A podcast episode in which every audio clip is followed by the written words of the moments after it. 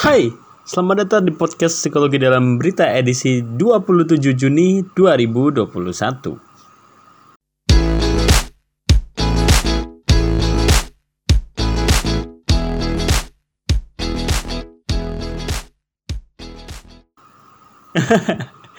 Kali ini gue mau ini um, mungkin memutarkan sebuah rekaman suara di mana kayak lu tuh di di di cerita ini ibarat kata lu udah saking seringnya bahkan mungkin lu sampai jutaan kali dengerin kata-kata meme yang satu ini gitu. Sampai akhirnya lu kesel banget terus lu kayak uh, ini tuh muter terus di mana-mana terus lu skip skip terus masih muncul terus begitu. Ini gue puterin ya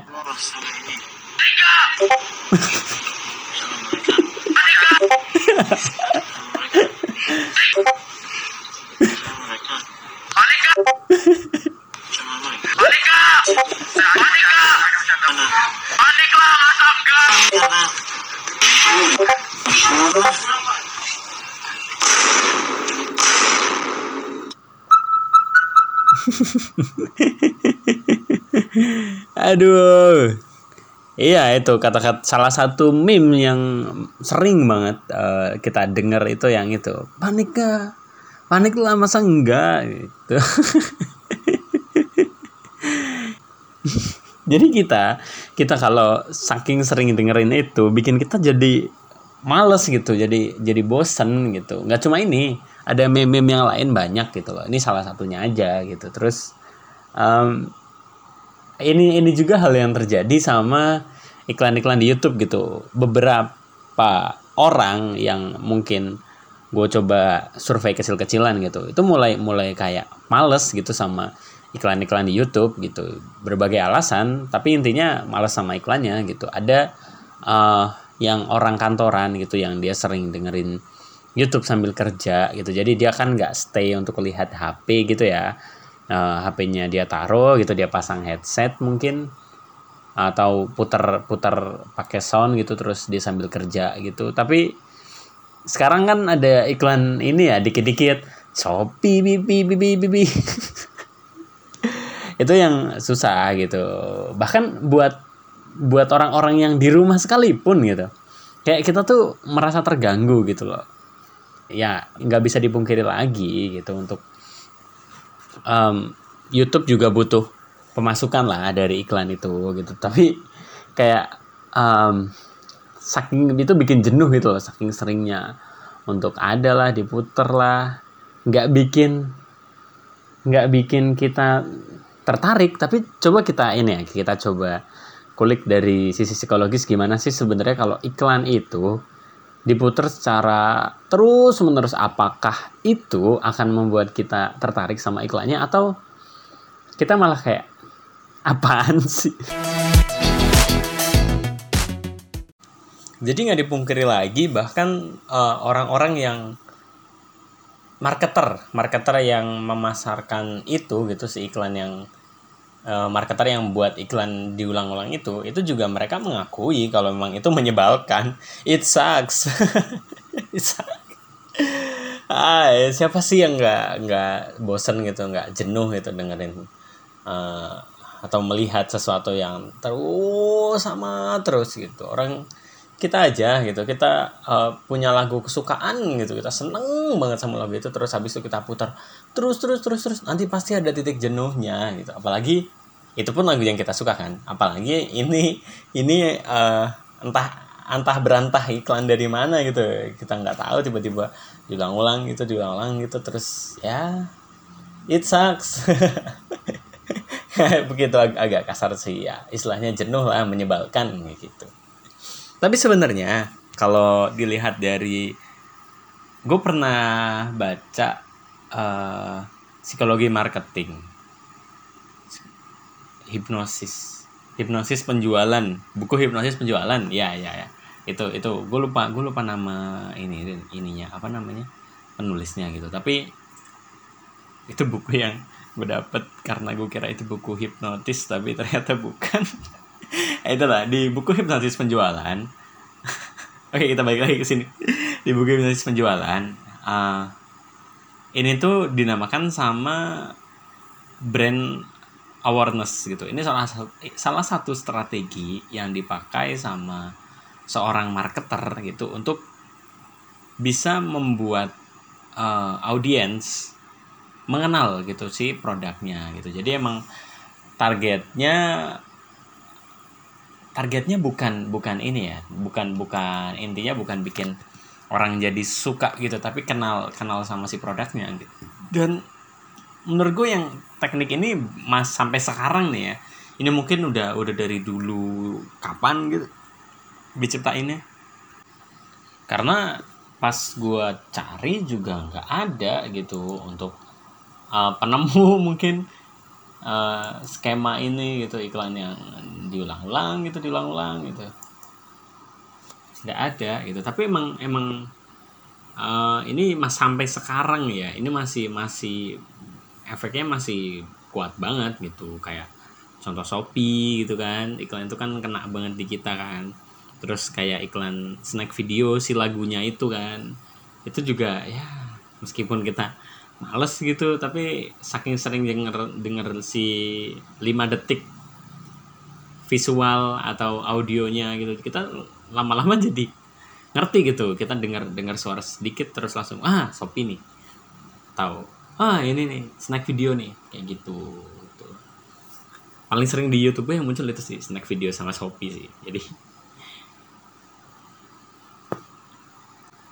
Nah, buat kalian juga yang mau uh, memasarkan produk kalian gitu, kalau kalian punya produk atau mungkin kalian jadi seorang marketer gitu, itu bisa pakai cara ini gitu buat uh, mengenalkan brand awareness kalian. Cuma ada ada efek samping yang bisa ditimbulkan dari uh, skema ini gitu. Itu bikin orang jadi sebel gitu loh sama produk kalian, tapi seenggaknya kenal lah ya, tahu gitu. Ntar tinggal pinter-pinternya kalian untuk ngebangun hmm, identitas brand kalian gitu. Jadi biar orang nggak nggak memandangnya negatif gitu. Eh tapi uh, brand awareness nih sebenarnya apa sih? Gue dari tadi ngomong brand awareness brand awareness gitu itu eh, nggak uh, dijelasin bikin bingung ya. Jadi brand awareness itu adalah kesadaran merek. Itu diartin doang enggak ding. Jadi kesadaran merek itu adalah um, sejauh mana si pelanggan audiens bisa ingat atau kenal sama sebuah merek gitu. Nah itu terbukti efektif atau tidak itu dilihat dari um, situasi yang berbeda gitu. Jadi nggak sewaktu kita nonton TV katakanlah kita nonton salah satu iklan A katakanlah uh, iklan A produk terbaik. Itu saat kita mungkin di situasi yang lain kita nggak lagi nonton TV kita lagi um, mungkin ngerjain tugas ada lihat kata terbaik gitu. Yang terbaik langsung oh produk A. Nah berarti teknik ini dipakai dengan efektif sama si produk A kayak gitu. Gitu sih.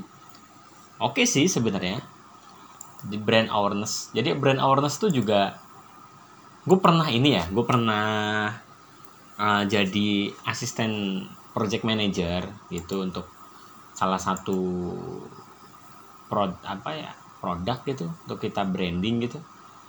Ini juga uh, si project manajernya ngajarin gue tentang ada tahapan-tahapan gitu loh uh, di branding gitu. Kalau yang waktu itu gue pelajari dari project manager gue sih waktu itu yang pertama itu kita harus uh, ini apa namanya untuk riset. Kita cari tahu pasarnya bagaimana kita cari tahu segmentasinya siapa kita cari tahu untuk semuanya gitu. Totally kita coba cari tahu gitu. Kalau kita tahu kan kita juga sesuai gitu. Nanti pas kita bikin strateginya seperti apa gitu. Terus abis itu uh, kita bikin itu yang ini ini yang cara kedua ya. Kita kita buat uh, identitas dari brand kita gitu. Itu bisa digunakan salah satunya teknik brand awareness ini gitu. Teknik uh, pengulangan ini gitu. Jadi biar tercipta brand awareness untuk orang-orang tapi ya efek sampingnya nanti ya pintar-pintarnya kita lah untuk uh, mensiasatinya gitu.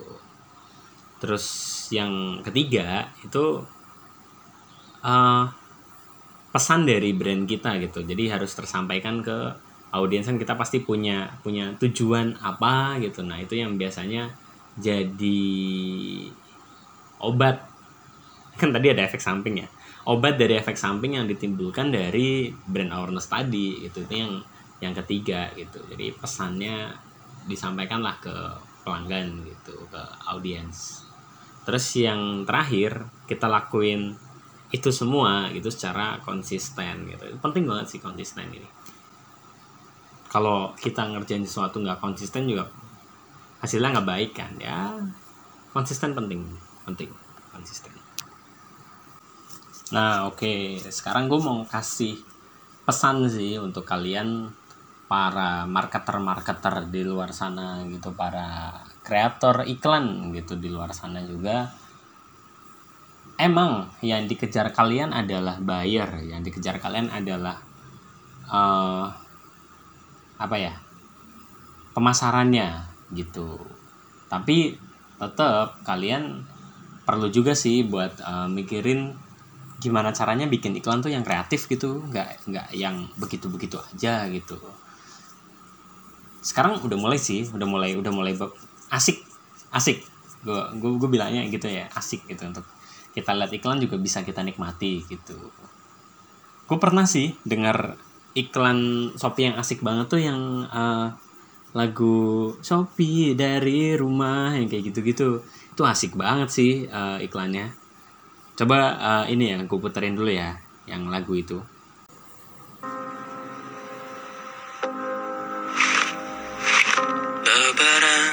sebentar lagi keluarga telah menanti. Sayangnya tahun ini tak mungkin tuh kembali. Jangan bersedih kami ada di sini tuh menyambung kasih. Percayakan kami panjangkan silaturahmi. Shopee dari rumah Setiap pesananmu bawa kasihmu Shopee dari rumah.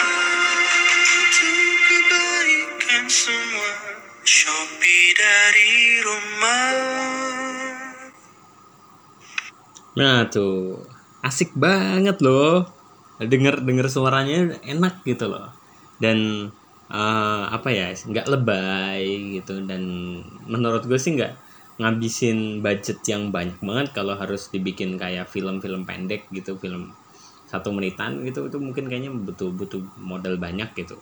Ini dia tuh pakai apa namanya penggambaran uh, animasi gitu tentang paket itu gimana bisa uh, sampai ke tangan pembeli gitu gimana paket itu di perjalanannya gitu hujan-hujan itu kan malam-malam gitu.